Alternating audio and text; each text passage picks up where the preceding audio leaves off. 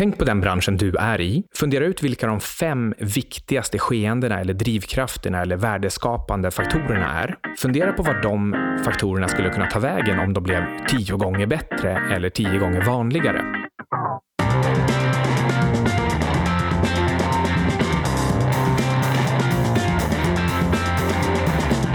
Churn. Churnen, Ludvig. Mm, vad är det med den? Det är omsättningshastigheten bland toppföretagen. Det vill säga hur snabbt topplistan byts ut av de, de största och mest framgångsrika företagen. Den churnen, alltså hastigheten med vilken de här byts ut, Ja. den ökar hela tiden. Den är åtminstone mycket högre nu än den var för 10, eller 20 eller 30 år sedan. Det här är antagligen en effekt av eh, ökad teknologianvändning och en eh, digitalisering av fler och fler industrier som gör att inträdesbarriärerna minskar. Om du inte behöver bygga fysiska produkter, järnvägar och hus och sånt, så blir det lite lättare att komma med en bra idé och eh, göra någonting bättre än eh, de som redan finns på plats. Exempel på det här är att eh, produkter som Instagram, och Snapchat och Twitter. Man kan tycka att de gör nästan samma sak. Det är en slags eh, chattverktyg med lite bild och lite video och annat. Och ändå så, så lyckas det hela tiden komma en ny sån spelare och växa snabbare än de andra och, och växa ifatt och om de andra. Ja, det blir intressant att se vad nästa sådana där grej blir som slår alla de andra av banan. Vad det kan bli. Det här eh, har implikationer även för, eh, för vanliga individer. Ingen är skyldig dig en karriär. Det spelar ingen roll hur bra utbildning du har eller hur duktig du är. Du kan, du kan ändå inte räkna med att företaget du jobbar på finns kvar eller att du ska göra karriär där. Mm. Det är den här boken som är veckans bok nu, Only the Paranoid Survive, Eh, som vi ska nämna lite mer om sen. Det finns en rolig historia i den boken, eller tragikomisk snarare. Och det är om en kille som först så var han, ja han utbildade sig, tog en master i USA till att bli en bankir av något slag. Och sen så blev det jobbet, den industrin som han jobbade för, de bankirerna, den blev ersatt. Och han var tvungen att bli en eh, aktiemäklare istället. Så gjorde han det i några år och så blev det också ersatt av eh, internetmäklare tror jag, eller något liknande. Så gick han över och blev en journalist. Så då har han, e- då har han bytt karriär två gånger under typ sju, åtta år och var tvungen att vidareutbilda sig och inte kunna ha någon stabil karriär alls. Och sen så är det lite av ett, så här, ett, det är ett glatt slut, tredje gången gilt i boken. Men idag, långt efter boken var skriven, så är ju journalistyrket också, eh, inte utrotningshotad, men de är ju ganska utsatta av det här internetkriget på att få all uppmärksamhet. Tidningarna funkar inte som de brukade göra. Och nu, nu kanske inte den där killen jobbar kvar där heller. Jag vet, jag vet inte vad han gör nu. Nej, man blir, eh, som journalist blir man attackerad från alla möjliga håll. Dels så finns det automatskrivande artiklar, det, där AI eh, skriver storiesarna. Det är väldigt stort inom sportnyheter. På ett annat håll så är det det här med fake news och Buzzfeed-artiklar. Det vill säga att det handlar bara om att skapa klicks oavsett om det du skriver är sant eller inte. Så det är ganska svårt att vara en normal, seriös eh, journalist som skriver om saker som faktiskt händer. Ja, väldigt trist. Du ska inte bara välja rätt utbildning och rätt företag i rätt bransch. Du måste ju dessutom själv fundera på att vidareutbilda dig och lära dig vilken teknik det är som kommer hela tiden. Så, så du både kan förutspå vad som händer med ditt företag, men också med ditt specifika yrke. Det gäller att hitta rätt där och komma in i en industri som växer och jobbar på något viktigt problem och har en ljus framtid och inte blir ersatt. Det är helt sjukt. Det var min brors kompis, han är väl kanske 34 år eller något sånt där. Så har han två stycken mastersutbildningar. En från Handels och en från KTH. Där det är typ teknisk fysik, så dubbel master med två av de mest prestigefyllda utbildningarna i hela Sverige. Sen jobbar han på Citibank i London i, jag vet inte hur länge, kanske några år. Och sen eh, har han varit utan jobb nu i typ två år. Kanske tre år. Ja, lång tid i alla fall. Och han, han har svårt att få jobb trots att han har sån gedigen bakgrund och utbildning och allt det där. Och han, han valde fel helt enkelt. Nu kan man ju tycka att han, han måste ju kunna studsa tillbaka om det inte är så att han eh, saknar ambition eller hamnat allt för mycket i någon loser effect, så att han bara inte, inte kan rent eh, biokemiskt. Nej, det är ju inte, det är inte kört för honom, men det är ju, det är ju ganska trist att vara 34 år och har jobbat så hårt på och, och trott att du fått en så himla bra start och ansträngt dig. Och så går det sådär dåligt. Om man till exempel är arkitekt eller eh, någon typ av eh, industriell designer och så kanske man är van vid att jobba i ett visst verktyg, kanske något CAD-CAM-verktyg, en mjukvara. Och sen successivt så kommer det bättre och bättre mjukvara som kanske ditt företag inte vill implementera. Och förr eller senare så springer de företagen, för att de levererar bättre produkter och bättre tjänster till, eh, till sina kunder, så springer de företagen om ditt företag. Då plötsligt så sitter du med en obsolet kunskap på ett företag som är på fallrepet och du, kan inte ens, du har inte ens ett värde som anställd på konkurrentföretagen därför att du kan fel mjukvara. Vad hade kunnat rädda dig där i så fall och undvikit det misstaget? Med ett mindset av att tänka att förändring sker så skulle man kunna hålla utkik efter vilka mjukvaror som finns. Hela tiden titta på bättre och sämre produkter i ens egen kategori. Testa dem lite grann prata med likasinnade på andra företag. Helt enkelt, det låter ju väldigt enkelt, men vara lite nyfiken på vilka hjälpmedel som faktiskt finns och, och vad som händer på de andra företagen. Ja, och det där, det där är väl extra svårt när det också går bra. När det, när det är en allmänt hög stämning psykologiskt i samhället eller liknande. För då är du inte lika sannolik att ha den där eh, ifrågasättande attityden. För det finns egentligen ingen riktig omedveten anledning eller ingen riktig drivkraft till att tänka annorlunda eftersom det redan går bra. Utan du måste snarare på en medveten nivå tvinga dig själv att tänka, tänk om det går åt skogen. Risken här är också att de allra största företagen, de som det går bäst för, de håller hela tiden på och fintrimmar verksamheten. Och de kanske inte alls är sugna på att byta ut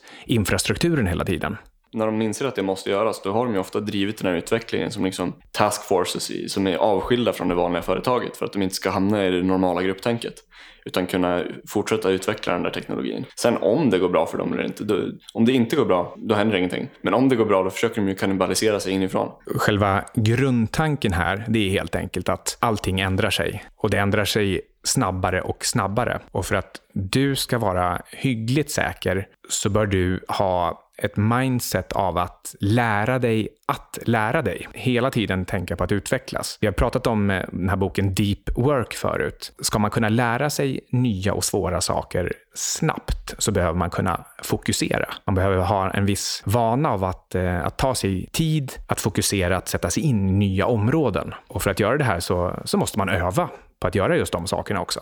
Vi kan, vi kan säga så här, lite tvärtom också. Vill man vara säker på att hamna i problem, då ska man helt enkelt bara gå till sitt jobb mellan 9 och 17 och göra sina arbetsuppgifter och, och sen eh, ha lite allmänt lattjo på fritiden. Då kan du vara säker på att missa utvecklingen och, och plötsligt bli påkörd från sidan. Det, det är helt sjukt hur mycket som har förändrats bara under min livstid. Eh, köpbeteenden förändras. Från att eh, när jag var liten du upplevde säkert det här från mycket bättre perspektiv. Men jag minns redan när jag var liten att man köpte inte saker över internet. Och nu köper man hela tiden. Och nu köper man över telefonen, nu swishar man pengar och vad det heter, allting.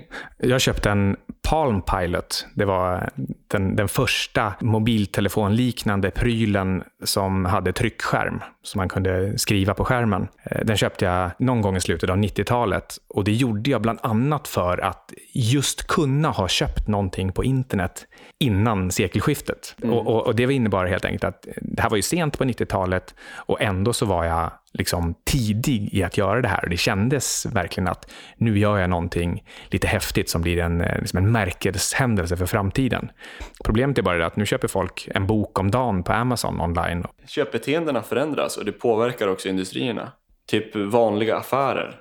Visst, Walmart kommer fortsätta gå hur bra som helst. Men hur många vanliga butiker som helst har ju totalt slagits av banan de sista tio åren. Och medan det gått hur bra som helst för Amazon, Ebay, Alibaba och de där eh, internetjättarna som var tidiga med att rida den vågen med internetförsäljning och har byggt upp allt det där. Och eh, hade du jobbat på en sån här någorlunda liten retailer, bricks and mortars, då hade det, ja, kanske hade inte du haft så bra kompetens som är överförbar till nästa paradigm då. Men det är ju sjukt svårt att förutspå de här sakerna och, och dra nytta av dem. Så det enda man egentligen kan säga är att håll dig vaken och håll dig eh, redo för förändringar så att du inte bara blir chockad av dem. Och bli inte hypnotiserad av den här gradvisa förändringen som man inte märker. För vi, vi som har, i alla fall folk i min generation som har vuxit upp i det här, det sker så gradvis att man inte märker utan det är bara oj, nu, nu betalar man över telefonen. Nu gör man det här. Men det är hur mycket som helst som förändras i takt med det. Och och eh, så här, kolla på en sån sak som det här med att Trump vann i USA. Det hade aldrig gått för tio år sedan. Redan för bara tio år sedan. Det hade aldrig i livet ens varit tänkbart för 30 år sedan. För att dels hade vi inte så Twitter och telefon, telefoner, sociala medier och så. Och eh, marknadsföring och PR och kommunikation gick inte till på det sättet. Och visst, nu kanske en del tycker så ja, det, det är skönt att ha en lite politiskt inkorrekt och uppfriskande politiker sådär. Men på den tiden hade kontrasten, om man hade gjort det, varit så stor så att även om de faktiskt tyckte tyckt att han var uppfriskande för att han är politiskt inkorrekt så hade den kontrasten varit så otroligt stor att de kanske blivit chockade av det bara. För fem år sedan skojade vi lite grann ibland om att, att jag skulle bli politiker. Eller snarare så gällde skojandet att jag aldrig någonsin skulle kunna bli politiker. För det finns så mycket dumt på YouTube, så hälften vore nog. Och då har jag ju ändå egentligen bara liksom gjort lite tokroliga saker och aldrig någonting riktigt, riktigt dumt för ehm, 20 år sedan, då var det oerhört ovanligt att köpa någonting på internet. Nu är det en så total självklarhet, så man undrar nästan vem det är som tar sig till butikerna. Vad kan nästa steg bli? Ja, ett sätt att handla på som jag tänker på, det är att man skapar autonoma AI-agenter, alltså artificiella intelligenta eh, agenter som kopierar mitt eget beteende. En del säger då att Nej, men det här går ju inte. Men jag menar att det här kommer smyga sig in på små, små områden. Till att börja med, om jag beställer mat online en gång i veckan så kanske jag har en, en standardmeny som jag beställer. Tre liter mjölk och en påse vetemjöl och lite bär, olivolja, diverse grejer som, som kommer hem levereras utanför porten. I nästa steg så kanske jag inte bara har en, en statisk prenumeration utan jag har en, en artificiell assistent som har lärt sig vad jag vill ha hemma snarare än att jag beställer exakt tre liter mjölk. Den ser att jag bara har en halv liter kvar och då beställer den. Mm. Men den vet om att jag alltid vill ha vissa saker hemma. Det där, det där är någonting som jag direkt känner att det skulle jag vilja ha. Och eh, sen, sen kanske man får sätta någon slags tak för hur dyra köpbesluten får fatta åt den. Eller kanske frågan om vissa saker. Man kanske kan fixa sin lilla algoritm där. Ja, det där är en skithäftig idé. Vissa saker kan den göra helt autonomt för att man vet, man säger till den att men det här överlåter jag åt dig och sen säger jag till när det blir fel. Vissa saker är helt omöjliga. Den, den får liksom inte gå ut och, och köpa en bil. Och någonstans där mittemellan så definierar man helt enkelt att man vill ha lite råd. Till exempel just nu så håller jag på att köpa säng. Och mitt beteende är nog ganska lätt analyserat utifrån. Man ser vad jag surfar på, på, på för produkter, man kan se vilka foton jag tar när jag går i en sängbutik. Och då skulle den här agenten kunna berätta för mig, precis som en kompis skulle kunna göra. Ja, men du verkar titta på sängar i den här prisklassen och den här kvaliteten och de här märkena. Vet du om att det är rea på den här just nu där? Och sen finns de här fyra produkterna produkterna som andra kunder har varit väldigt nöjda med när de har letat lite liknande som du. Jag har för övrigt pratat med hundratusen andra AI-agenter mm. som, som har noterat följande mönster när folk köper säng i de klasserna du tittar. Så, så därför föreslår jag de här tre produkterna. Mm, ja, kanske om tio år, vem vet? Mm. kommer hända gradvis. Men informationen där som ligger till grund för det här, den samlas ju in hela tiden. På gott och ont. Och eh, ja, jag är inte förvånad om någonting sånt där kan komma framöver. Men en sak som är intressant är det här med den allmänna stämningen i samhället. Bara rent eh, humörmässigt. Så här, hur positiva är folk? Lite som typ extremfall om du har en riktig uppgångbubbla i, i ekonomin. Eller om du har en depression. Så det är extremfall. Men allmänt, nu har vi haft en lång period där det gått bra i hela världen. Och eh, vi har sett tydliga framsteg hela tiden, även om det varit krockar på vägen. Men det har ändå varit en tydlig, tydlig förbättring på väldigt många områden. Och det är en väldigt optimistisk syn alla har. Och det är, jag tror det är väldigt på en omedveten nivå så tror jag det är väldigt sannolikt att folk i allmänhet, även folk inom industrier, tänker så här, ja men det kanske kommer någonting nytt så här. Men det ordnar sig ändå. Utan de känner sig inte direkt hotade av det, att det kommer ersätta deras egen industri eller deras jobb. Utan det kommer bara ordna sig. Det Är antagligen den om omedvetna slutsatsen, tror jag. Ja, man, man, har helt enkelt väldigt kort minne som människa. Saker och ting som hände för tio år sedan, de har i princip inte hänt alls. Och det är inte bara det, utan det är också det här med att du har tränat in den här känslan och responsen under så lång period. Så att det är nästan helt instinktivt automatiskt. Du måste med väldigt medveten ansträngning tänka motsatsen för att det ska registreras i hjärnan att det kanske inte går bra just här för mig eller liknande. Och tänk om Även om det sker ett paradigmskifte så är det svårt att hänga med i att det händer om det inte påtvingas med någonting som är tydligt att du själv måste ändras, antingen via våld eller väldigt starka incitament. Till exempel som det här med Max Planck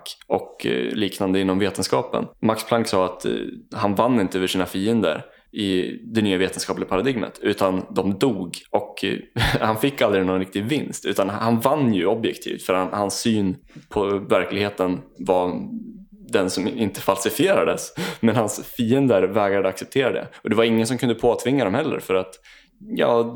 ja men det fanns för få plankisar och och eh, det fanns för lite ekonomiska incitament. Så... Ja, det fanns inget riktigt affärsområde som gick in och tog den där grundläggande vetenskapen och liksom, det här är rätt, kolla, nu gör vi massa pengar för att vi gör rätt. Mm, så det var bara en eh, intellektuell diskussion med ord mot ord och då, ja, då fick majoriteten vinna helt enkelt, trots att de hade fel. Och jag, vad jag tar från det här, det är att eh, ibland så lönar det sig att, att gå med strömmen, även om den har fel. Man kanske ska hänga kvar i vissa områden längre än vad som egentligen är rationellt. Men det blir rationellt för att man vet att majoriteten kommer ändå hålla sig där. Mm. Du, du, är inte meddragen av den på så sätt att du är omedveten, utan du har koll på vilken riktning den går och så vidare. Någorlunda. Mm. Det är lite som vi snackade om i var, avsnitt 6 eller 7, båda, om man, om man var motvalls eller inte. Men om man däremot tar ett mer brutalt exempel, där du har ett extremt paradigmskifte och de som faktiskt är bäst i det förra paradigmskiftet, vare sig det är ja, krigsföring eller eh,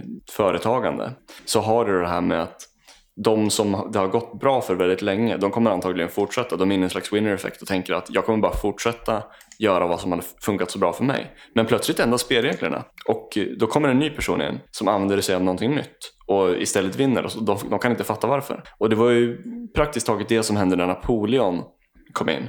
Han föddes ju perfekt tidpunkt för att kapitalisera på den franska revolutionen. Det är lätt att missa den här poängen. Det är svårt för oss att tänka sig att det kan skötas på så dåligt sätt. Det var alltså så på den här tiden att de flesta arméer byggde på vilken adelstillhörighet man hade, hur ens, eh, ens familjs kontakter, det vill säga inte på vad man faktiskt hade uträttat eller ens kompetens, utan man, man placerades på befälspositioner utifrån sin, sin familj, eller ja, nästan, nästan arv. Och det gjorde förstås att de flesta som satt där hade inte riktig talang för krigföring. Det var många inkompetenta och många som bara placerats där av nepotism. Och, eh, så det, det, var den organisatoriska delen. Och sen var det det att Napoleon kom på nya sätt att föra krig på. Och, så du hade ett antal saker som de från det gamla paradigmet att föra krig på. De var helt missmatchade till att möta Napoleon. De hade ingen aning om när han gick på liksom. Och eh, de blev helt förvirrade och det gjorde att han kunde spöa dem gång på gång på gång med mindre arméer. I min åsikt så är det här med Napoleon det är kanske det bästa exemplet som finns på det här med paradigmskiften. Det är så brutalt. Hur han bara spöade alla och drog genom Europa och blev världens mäktigaste man på väldigt kort tid. Man kan ju dra en parallell till teknologiindustrierna som vi snackade om innan det här med Snapchat och Facebook och Google och sådana saker. Hur de på så kort tid har blivit bland världens största företag. Det är fortfarande svårt att göra det här riktigt praktiskt, men mitt tips det är att ta lite tid och tänk ut vad du ska jobba med nästa gång eller i nästa steg. Vilken typ av uppgift och kommer den uppgiften på något sätt påverkas av pågående paradigmskiften eller att teknologin du jobbar i eh, blir tio gånger snabbare eller tio gånger mer utbredd? Vilken bransch bör du söka dig mot och vilket företag i den branschen? Du ska också tänka på hur du blir värdefull och sticker ut. Vad är det för extra kompetens? På vilket sätt kan du stärka dina kapital? Hur kan du stärka ditt toppkapital och hur kan du stärka något stödjande kapital? Hur gör du ditt CV aptitligare för den bransch där du tror att du har störst överlevnadschans? Tänk om jag skulle gå in i helt fel industri eller område skulle jag vilja slösa bort fem år av mitt liv på någonting? Fundera på vilka böcker du bör ha läst. Fundera på eh, om, eh, precis som i det här arkitektexemplet, om eh, du bör plugga på nya programvaror eller lära dig nya färdigheter. Fundera på om det kan vara så att artificiellt intelligenta agenter går in och tar ditt jobb nu har det hållit på ganska länge det här med automatiska telefonsvarare av, av olika slag och chatbots. Än så länge har det inte funkat, men det kommer fungera. Förr eller senare kommer det fungera. Nu tror inte jag att någon som lyssnar på oss jobbar som eh, ren telefonoperatör, men det jobbet är definitivt på väg bort. Veckans bok Only the Paranoid Survive av Andy Grove, Andy den grove. Den här boken är väldigt bra och relevant för alla som är på någon slags chefposition för hur man ska bygga upp sin företagskultur eller hålla koll på sina fiender när de blir för farliga, när ett substitut kan komma och eh, hela tiden vara paranoid och inte bli förvaggad i den här känslan av att eh, ingenting händer riktigt. Den leder in lite grann också på veckans mindset. Att man ska tänka efter. Vad händer om saker och ting blir tio gånger bättre? Vad händer om den här trenden eller beteendemönstret eller teknologin som kanske inte är mogen just idag, men tänk om den blir tio gånger bättre Eh, tänk om den blir vanligare och folk får liksom mindre resistans till att använda den. Precis som det här som vi snackade om innan med att köpa på internet. Att teknologin fanns, men det var folk som var uppvuxna med att inte köpa på internet. Hade en sån stor, de, de var resistenta till att göra det, det kändes otryggt. Men sen senare så har de ju också kommit på. Men sen så fick du de här personerna, typ som folk från min generation, som bara är uppväxta med det beteendet. Och sitta vid en dator eller köpa via internet. Och det är ju ingen resistans där alls. Några aktuella exempel just nu på teknologier som är precis i, i sin linda, men eh, som verkligen kan komma att bli betydande. Det är till exempel virtual reality och olika typer av augmented reality. Det vill säga när man får en, en digital overlay ovanpå verkligheten. Det här skulle kunna göras med, med linser direkt på ögat som, som projicerar andra virtuella produkter på, på det du ser runt omkring dig. Det är väldigt, väldigt nära. Alltså det finns redan eh, sådana linser, men eh, säg att det, det tar tio år innan det är vanligt att man har dem i, på ögonen. Gör så här. Tänk på den branschen du är i. Fundera ut vilka de fem viktigaste skeendena eller drivkrafterna eller värdeskapande faktorerna är. Fundera på var de faktorerna skulle kunna ta vägen om de blev tio gånger bättre eller tio gånger vanligare. Till exempel, det behöver inte vara virtual reality, men antag att virtual reality blir tio gånger bättre. Vad gör det för dig om du är till exempel bostadsmäklare? Mm. Och vad händer om bitcoin blir det riktiga betalningsmedlet. Vad gör det för, för just din bransch? Om du transporterar mynt som eh, huvudaffärsidé kanske inte heller är så bra om det bara blir digitala valutor. Eh, det var en hel del smarta personer som förutspådde nästan princip vad vi skulle göra med internet. Saker som YouTube, saker som så här SAS, SAS, alltså Software as a Service. Så att du säljer saker direkt över internet och lagrar det på internetdatabasen istället för att sälja en fysisk produkt eller en CD-skiva. Och det var ju det var bara en abstrakt idé för 10-20 år sedan, men idag är det så vanligt. Kolla på Oracle. Vill man få en känsla för var eh, sådana här artificiella intelligenter kan ta vägen så kan man antingen läsa Neuromancer, som är en eh, sci-fi novell från, jag tror att den är cirka 80 83 eller 86, någonstans där, mitten av 80-talet. Jag tycker att den, den boken är helt fantastisk. Den handlar bland annat också om att när de här intelligenta agenterna, som, man, som egentligen bara ska vara en slags kopior av en själv i beteende, när de dessutom får självmedvetande och, och vill dra iväg och leva sina egna liv. Eller så kan man bara titta på Iron Man och titta på den här eh, digitala medhjälparen som Iron Man har. Så kanske vi ska ta veckans citat. Mm. Det står här på engelska, men jag tar det på svenska. Stjärnan i den senaste perioden är ofta den sista att anpassa sig. Och det betyder helt enkelt att eh, eftersom du har en, en sån etablerad position och du har en lång historik av winner effect så väntar du helt enkelt alldeles för länge innan du anammar den nya eran. Mm. Ett exempel här skulle kunna vara Kodak som eh, sysslade med vanlig fotofilm. Trots att man ändå ganska tidigt kanske kunde se var de digitala kamerorna var på väg så lyckades de inte vrida om sin egen verksamhet därför att varje steg de skulle tagit åt det digitala hållet skulle kannibalisera på all deras andra verksamhet. Det handlar om att hålla ögonen öppna, att attackera först, att eh, vara paranoid vare sig det är pengar eller mening som man är ute efter så är antagligen ett av de absolut största misstagen att gå in i fel bransch eller jobba på fel problem. Och när jag säger fel då menar jag det som kommer bli utbytt eller uttryckt av någon bättre teknologi eller något bättre sätt, annorlunda sätt att göra på det. Ett substitut som är svårt att förutse. Ja, alltså se till att jobba på saker som betyder någonting. Exakt vad det är som betyder någonting, det tänker inte vi definiera. Det kan vara pengar eller mening, som Ludvig säger. Och jag tycker att Framgångspodden, de visar ofta bra exempel på att göra saker som betyder någonting för var och en. Det vill säga att framgång är någonting annorlunda för, för var och en. Men se till att hela tiden röra dig framåt och håll ögonen öppna för hotbilder. Prenumerera gärna på 25 minuter på iTunes. Det är alltså 2 5 minuter. Och eh, skriv även upp dig för lyssnarbrevet. Du hittar instruktioner på 25minuter.se, alltså 2 5 minuter.se. Så får du detaljerade avsnittsanteckningar och eh, bland annat chans till olika typer av tävlingar. Då har du lyssnat på 25 minuter med Syding och Sundström som produceras av tradevenue.se och klipps av Johan Olsson.